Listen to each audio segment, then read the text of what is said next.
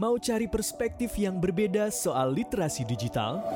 Temukan jawabannya di Cyberkreasi Talks. Menghadirkan para pakar dari jaringan pegiat literasi digital. Cyberkreasi Talks. Hanya di kanal Spotify Cyberkreasi dan YouTube Cyberkreasi.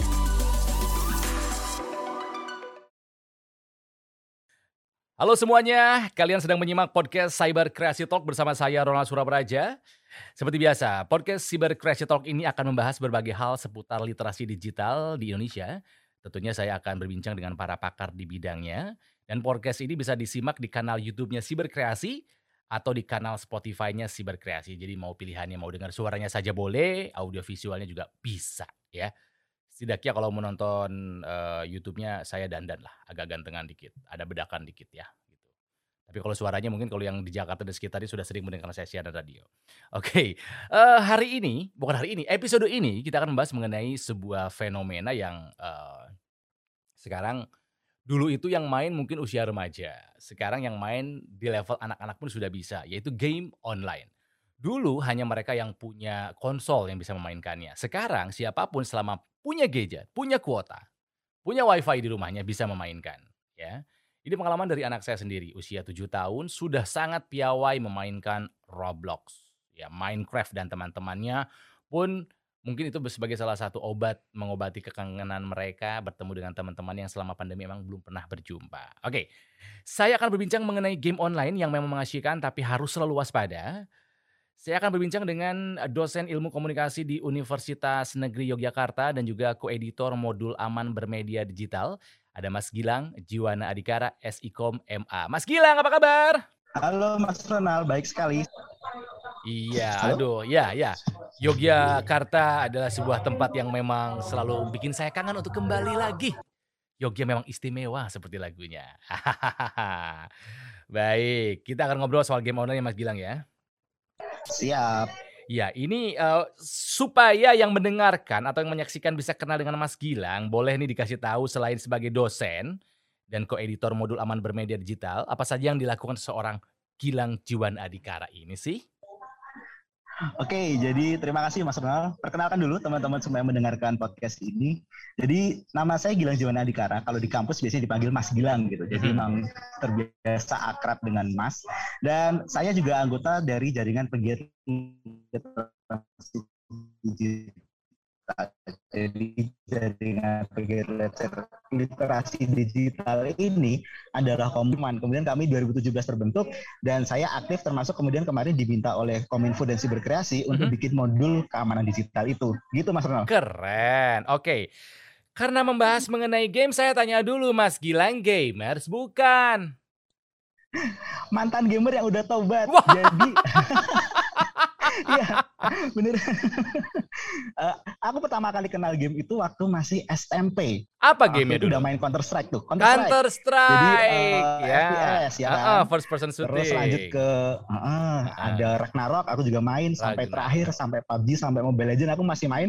Tapi sekarang dengan segala kesibukan udah nggak sempat lagi. Akhirnya ya udahlah mengurangin gamenya, fokus ke kehidupan yang lain. Ceritanya begitu. Berarti kalau PUBG main, Mobile Legends main, berarti tobatnya baru-baru aja dong. Ya barusan setahun ini sih kira-kira, jadi belum lama-lama banget. Oke, sebelumnya saya mau tanya dulu sebetulnya nikmatnya bermain game apakah sampai ada orang yang adiktif, bahkan sampai ya bisa dibilang lupa segalanya. Jika memang itu jadi mata pencarian, hmm. minimal ada penghasilan. Nah ini ada yang sampai bahkan hilang uang sampai jutaan gitu loh demi hobi ini. Gimana tuh mas? Nikmatnya apa sih? Aku sih nggak ngerti. Jadi begini, uh, ada istilah gini, homo ludens, ini adalah konsep yang dikemukakan oleh Huizinga ya. Uh, manusia bermain ya. Jadi manusia itu adalah makhluk bermain. Uh, nah, bermain. itu dalam setiap budaya itu ada Betul. gitu. Kenapa kok orang suka bermain? Karena ada fun di sana. -huh. Ada ke, ada persaingan, ada kebanggaan kalau berhasil menang, ada kepuasan yang muncul. Nah, ini yang sebenarnya muncul dari permainan game. Kenapa kok benar yang adiksi? Ya karena mereka kemudian merasa di situ mereka dapat dunianya tuh, tertantang terus untuk kemudian bisa ngepush supaya mereka bisa jadi terbaik di dunia game tersebut. Mm-hmm. Itu yang kemudian jadi banyak sekali sekarang orang yang suka sekali sama game.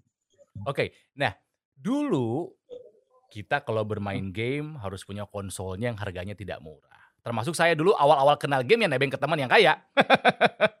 Terus ada rental, tetap keluar hmm. uang. Ya, sekarang game online masif banget. Selama punya gadget, meskipun itu hanya HP Android satu jutaan, selama punya kuota kamu bisa bermain game. Usia sekarang sudah semakin muda anak-anak bermain game. Yes. Ini fenomena seperti ini sebetulnya apa nih Mas? Sem uh, fenomena yang uh, uh, membang apa ya? Baik karena artinya sudah pada melek digital, anak-anak muda atau anak-anak kecil bahkan atau sesuatu yang mesti harus diwaspadai, Mas? Oke, okay. Uh, apa kok sekarang begitu mudah ya kita bicara karena sekarang teknologinya sudah mendukung untuk itu. Zaman dulu untuk bisa main game memang harus lewat konsol gitu kan, tapi yeah. sekarang kan smartphone kita udah canggih gitu. Dan ini memang jadi fenomena yang global sebenarnya, nggak cuma di Indonesia. Bahkan kalau kita lihat data nih ya Mas Ronald, uh-huh. uh, 94,5 persen pengguna internet Indonesia itu make buat main game. 94,5 persen? Ya, hampir 100% dari total pengguna internet Indonesia. Aku itu yang enam persen berarti yang gak main game. Minoritas ya. Aku minoritas. minoritas banget. Makanya dan dan dari data itu dari 94,5 persen, 88,9-nya itu pakai smartphone buat main game. Oke. Okay. Jadi memang kemudian ketika teknologi smartphone semakin canggih, kemudian uh, ekosistemnya hidup dengan berbagai macam game yang didevelop khusus untuk smartphone, jadi sekarang semua orang bisa mengakses game dengan cara yang murah. Yeah, nah betul. kita kalau kita ngomong murah, kita jadi bicara juga soal tren industri game sekarang nih. Kenapa sih kok sekarang banyak game-game yang free to play, yang yeah. gratis buat dimainkan? Yeah, gitu kan? yeah. Ya karena supaya itu semua semua orang bisa uh, main game secara gratis, gratis dalam tanda kutip. Mm-hmm. Karena sebenarnya kalau kita mau ada beberapa item in game yang kemudian kalau kita mau karakter kita lebih jago gitu, harus beli. Harus bayar pakai duit beneran gitu Betul. kan. Nah, ini yang kemudian jadi triknya ada di situ tuh. Nah, dengan game yang kemudian gratis, smartphone-nya bahkan nggak harus smartphone bagus, smartphone kentang aja sebenarnya bisa yeah, gitu kan yeah. kayak yeah, gitu. Yeah, yeah. Sekarang akhirnya semua orang bisa gitu pakai main buat main game. Betul. Nah, ini Jadi begitu kira-kira yang menjelaskan kenapa kok sekarang banyak uh, yang pakai. Masalahnya banyak anak yang nggak ngerti, ya. Disangkanya beli item tuh nggak perlu pakai uang betulan. Hei, itu uang betulan tahu, uang bapakmu. ya, nah. Bener-bener. Nah ini juga yang jadi masalah juga tuh. Jadi, uh, ya kemudian memang ini jadi masalah karena kadang-kadang anak-anak belum tahu kan dengan uang yeah. betulan itu. Itu jadi resiko juga banyak mengeluhkan juga. Dan akhirnya banyak juga tuh orang tua yang akhirnya mengeluh kok tiba-tiba bocor kredit cardnya? Oh ternyata kepake yeah. buat anaknya buat beli game eh, beli uang game gitu kan. Itu yang banyak sekali kejadian. Seperti yang kemarin viral ada orang tua marah-marah ke penjual apa, pen, apa penunggu minimarket itu loh. Ada anaknya beli voucher game ah, gitu kan ya. Oh itu sampai rame ya. Oke okay, tapi bener, kita bener, bener. kesannya game online itu jelek semua padahal saya yakin ada kelebihannya. Ya nah Hmm. Menurut Mas Gilang sendiri, mereka yang bermain game online atau game online sendiri keuntungan bermain apa mainkannya sama kekurangannya apa sih, Mas? Jeleknya bagusnya apa? Oke, okay, Oke, jadi kalau kita bicara kelebihan, sebenarnya uh, main game itu banyak kok positifnya. Nah. Soalnya gini nih, hmm. kalau kita main game, paling kecil kita pasti belajar problem solving ya kan okay. ada main kalau kita bermain puzzle gimana caranya kita kemudian menuntaskan puzzle yeah, tersebut yeah, yeah. kalau kita main yang team play berarti kita bagaimana bekerja sama dan bersama-sama mencapai tujuan koordinasi gitu kan. makanya kemudian yeah. uh, uh, makanya kalau saya bilang buat anak-anak bahkan tuh anak-anak ya usia-usia yang udah boleh pakai HP di atas uh, 2 tahun tiga tahun itu sebenarnya lebih baik main game daripada nonton Mas Gilang maaf sebentar tadi sinyalnya hilang Halo? ya Mas Gilang Oke, bagian mana yang? Ya, hmm? tadi ada dari ada yang bagus tuh dari setelah problem solving uh, ada problem solving tadi masih iya, ada. Ya, sama. Nah setelah itu, setelah itu uh, bermain secara Oke, tim masih ada. Nah setelah itu tuh. Oke siap siap. Kita ulang dari situ ya mas ya. Dari situ ya, oke. Okay. Jadi uh, dari problem solving ya. ya. Nah kalau kita bicara dari uh, kita bicara game sebagai mengasah kemampuan problem solving. Karena kan ada level-level yang kemudian harus kita selesaikan mm -hmm. dengan berbagai mm -hmm. cara. Yeah. Nah ini kemudian mengasah keterampilan itu. Kemudian kalau kita bicara permainan yang kemudian team play, mm. MOBA misalnya atau mungkin permainan-permainan yang FPS, itu kita mengasah juga kerjasama dan koordinasi. Ya ini kemudian kalau di, kita mainkan dengan benar hasilnya bagus. Makanya bahkan untuk beberapa orang yang kemudian anaknya masih kecil gitu ya, di mungkin di atas usia 2 tahun karena mereka udah boleh pegang HP, saya menyarankan main game aja daripada nonton video. Waduh. Karena kalau kita oh, iya? main game, anak-anak main game, ya kalau anak-anak main game, otak mereka aktif. Jadi ke mereka kemudian oh. terbiasa, oh ini warna apa, oh ini bentuk Karena apa. ada ya, interaksinya ya, ya Mas ya. Kalau nonton video Betul. tuh kita, si anak pasif gitu ya. Betul, kalau kita mau video kan cuma tiduran aja, diem aja gitu kan. Tapi kalau game kan dia kemudian dipaksa untuk problem solving juga tuh. Tentu saja gamenya sesuai dengan anak ya. Jadi kita pilihkan juga tuh game-game buat anak yang kira-kira aman buat mereka mainkan. Itu Mas Ronald. Wah, ini sisi yang saya baru baru tersadarkan ya. Anak-anak lebih baik bermain game daripada pasif hanya menonton saja. Oke, masih banyak yang ingin saya tanyakan karena saya juga adalah orang tua yang punya anak dan anaknya memang senang bermain game. Meskipun saya sangat membatasi screen time-nya hanya di weekend. Jadi, saya akan kembali berbincang dengan Mas Gilang saat lagi tetaplah di podcast Cyber Kreasi Talk. Siberkreasi Talks.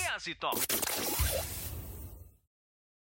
Kembali lagi bersama saya Ronald Surapraja di podcast Siberkreasi Talk masih berbincang dengan Mas Gilang Jiwana Adikara, dosen ilmu komunikasi di UNY Yogyakarta tentang game online. Memang mengasihkan, tapi kita harus selalu waspada. Beliau ini adalah mantan gamer papan atas, wah mantan gamer berat yang sekarang sudah tobat uh, satu tahun terakhir karena fokus untuk kehidupan uh, berakademisi saja gitu kan ya Mas ya. nah, iya bener Mas. Meskipun saya tidak bermain game, saya bukan gamer, dari dulu saya bukan gamer. Tapi saya mengamati dan mengawasi minimal yang anak saya mainkan. Ya, anak saya yang 11 tahun hmm. paling tinggi dia itu hanya main Minecraft. Ya. Jadi teman-temannya sih mainnya udah macam-macam, Mobile Legend, Dota, PUBG, League of Legend dan lain sebagainya. Karena masih WFH, ya saya bisa mengawasi anak-anak saya gitu kan. Nah, pertanyaannya adalah harusnya kan games itu ada rating. Mas Gilang hmm. sendiri melihat di Indonesia peduli nggak sama rating? Apa anaknya mungkin nggak tahu orang tuanya nih Mas Gilang. Gimana pengamatanmu? Oke, ini ini ini fenomena yang sampai sekarang di Indonesia masih terjadi. Jadi orang tua di Indonesia itu masih bodoh amat dengan rating. Nah, tuh. Makanya itu yang jadi masalah. Jadi kenapa kok anak saya aku masih sering nemu nih ada anak-anak mainnya GTA gitu kan. Waduh. Masih usia SD udah main GTA itu kan Waduh, Wah, GTA gila, itu gila, udah gila. M tuh kalau di SRB kan. Parah. masih boleh main GTA sih gitu. Nah, ini yang kemudian jadi jadi sering sekali kejadian semacam ini di Indonesia karena dia masih dianggap sebagai permainan anak-anak. Video game nah. ini dianggap permainan anak-anak. Dan ini yang seharusnya kita harus segera mulai sadar, nggak semua game buat anak-anak. Ada game yang kemudian memang buat anak-anak, ada game yang buat orang dewasa. Jadi kan kalau kita bicara rating nih, Mas Mal kan mm-hmm. ada di Indonesia ada ya ada IGRS, ada Indonesian Game Rating System tuh. Oh. Mereka punya klasifikasi, ada 3 plus, 7 plus, 13 plus, 18 plus dan SU. Kalau yang internasional kita punya ISRB, ada mm-hmm. Entertainment Software Rating Board. Itu kan mm-hmm. ada uh, buat everyone, kemudian early childhood, ada yang buat mature, ada yang buat adult gitu kan. Nah, Play Store bahkan juga ada tuh di Play Store. Itu kan ada yang rating 3, 7, 12, 16, 18. Yeah. Nah, dari berapa kali aku nanya nih sama orang tua, mereka nggak sadar kalau rating itu ada. Jadi mereka hmm. taunya kalau ada game ya itu buat anak. Ya udah buat anak aja. Dan ini yang apa pun gamenya, apa pun gamenya kasih kasih aja beli beliin aja gitu ya. gamenya mungkin penuh kekerasan. Iya benar. Jadi semacam itu. Iya. Karena kalau misalnya kita cermati games yang buat dewasa, itu kan ada violence, ada nudity, bahkan ada substance, Bener. penggunaan substance ya, uh. zat-zat terlarang sampai ke alkohol.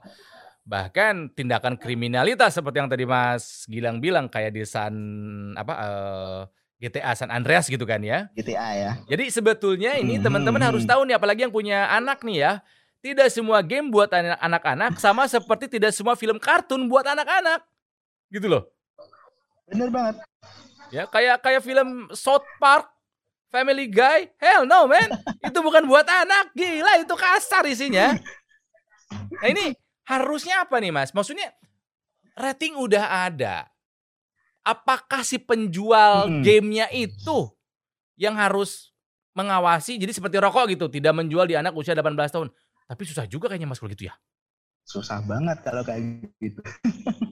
Sebenarnya kalau ini, ini emang kembalinya ke peran orang tua. Nah. Karena uh, bagaimanapun kalau kita bicara hukum nih ya, kan kalau di Indonesia di bawah 18 tahun masih masuk anak-anak. Kalau dia masih masuk anak-anak, berarti orang tua harus punya uh, andil besar dalam meng, uh, mendampingi lah Jadi jangan kemudian anaknya dilepasin aja. Jadi orang tuanya kemudian harus harus proaktif. Sama juga kan kayak acara-acara di TV juga sebenarnya ada ratingnya, tapi kan yeah. kadang-kadang orang tua juga ah bodo amat bodo lah gitu. Yang penting anakku anteng gitu kan, diem aja, tenang dan sebagainya.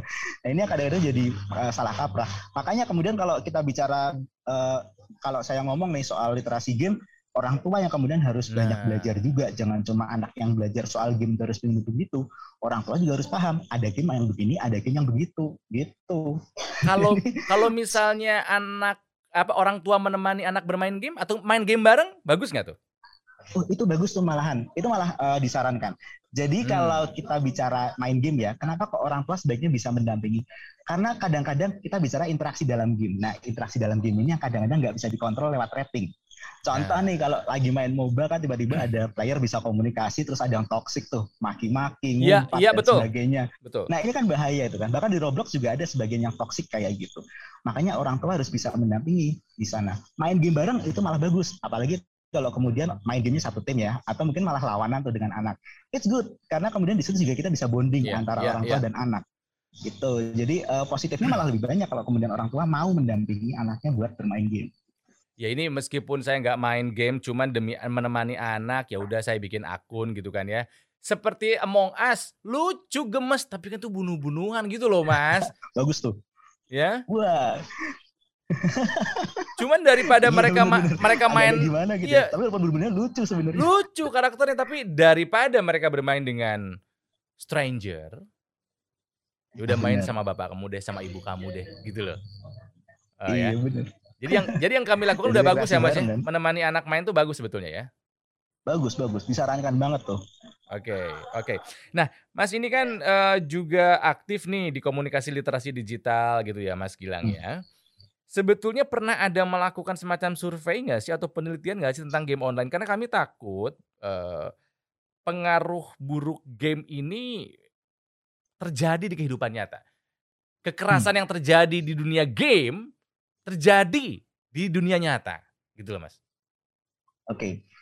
uh, kalau saya sendiri melakukan penelitian belum, tapi kalau kita bicara penelitian soal pengaruh dari violence dalam game, game ke dalam dunia nyata, memang ada perdebatan nih. Ada yang bilang itu nggak ada hubungannya, ada yang oh. bilang ini ada hubungannya. Nah. Tapi memang ya ini masih jadi perdebatan. Ada dua kubu yang kemudian uh, beda pendapat soal riset ini. Mm -hmm. Tapi kalau kemudian kita bicara secara umum, sebenarnya semua game uh, boleh dimainkan asal sesuai dengan klasifikasi umurnya dan orang tuanya mau mendampingi. Nah, kalau di Japelidi sebenarnya kami juga belum punya ini yang secara spesifik ngomongin penelitian tentang game, tapi kami sudah memiliki beberapa terbitan modul-modul literasi digital yang berkaitan dengan game.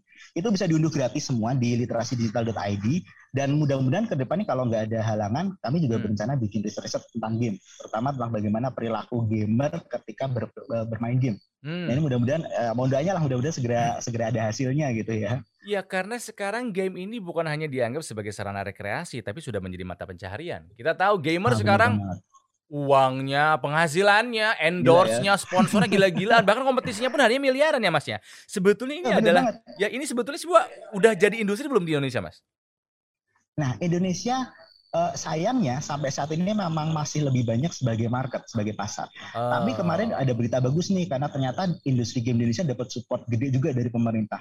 Dan ternyata banyak juga kok game-game game produksi Indonesia yang kemudian bisa menembus ke pasar mm -hmm. luar negeri. Mm -hmm. Artinya ini jadi sebuah angin segar gitu supaya bahwa kita ke depan nggak cuma jadi pasar, tapi juga mudah-mudahan bisa menjadi sentra produksi game yang baru di area Asia Tenggara.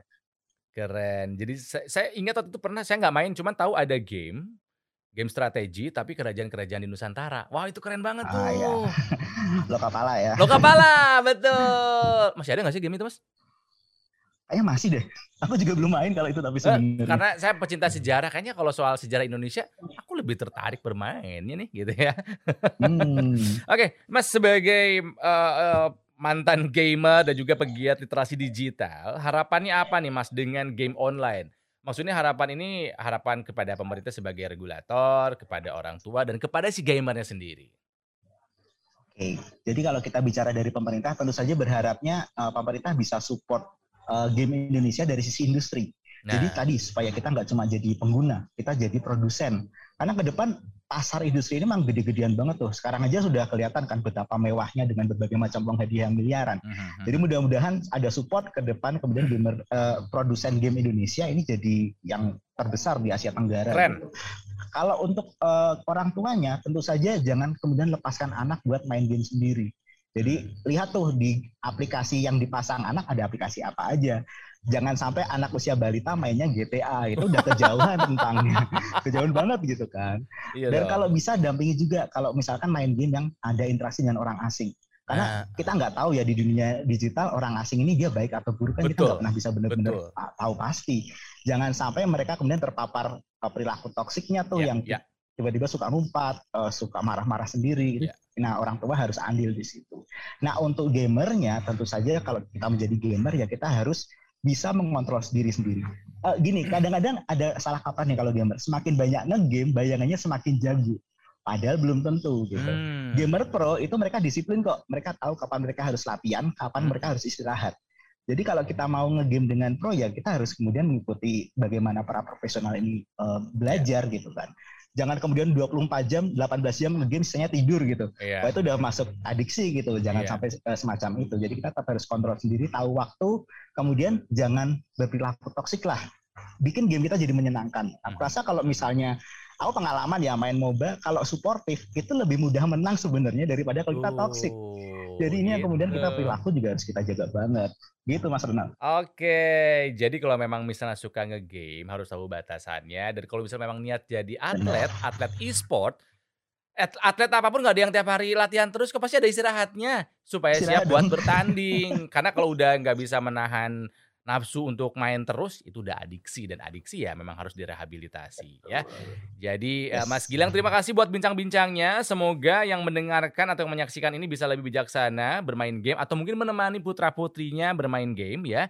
Jadi orang tua tolong awasi anaknya bermain game ya. Eh, berikanlah game yang sesuai dengan ratingnya karena itu bisa mempengaruhi psikologis dan juga emosional si anak. Jangan pernah memain apa membolehkan anak bermain game yang bukan untuk usianya, apalagi bermain Squid Game. Karena Squid Game itu berbahaya. Itu lagi ngetrend di Netflix sekarang. Mati itu soalnya semuanya. Yang juara hanya satu orang. Jangan ikutan ya, karena itu hanya film ya. Mas Gilang terima kasih. Sampaikan salam buat teman-teman di UNY Yogyakarta sana ya. ya. Thank you banget Mas Ronald. Baik, oke. Okay. Uh, teman-teman, uh, saya pamit dulu. Sampai jumpa lagi di podcast Siber Kreasi Talk berikutnya. Mau cari perspektif yang berbeda soal literasi digital? Temukan jawabannya di Cyberkreasi Talks. Menghadirkan para pakar dari jaringan pegiat literasi digital. Cyberkreasi Talks. Hanya di kanal Spotify Cyberkreasi dan YouTube Cyberkreasi.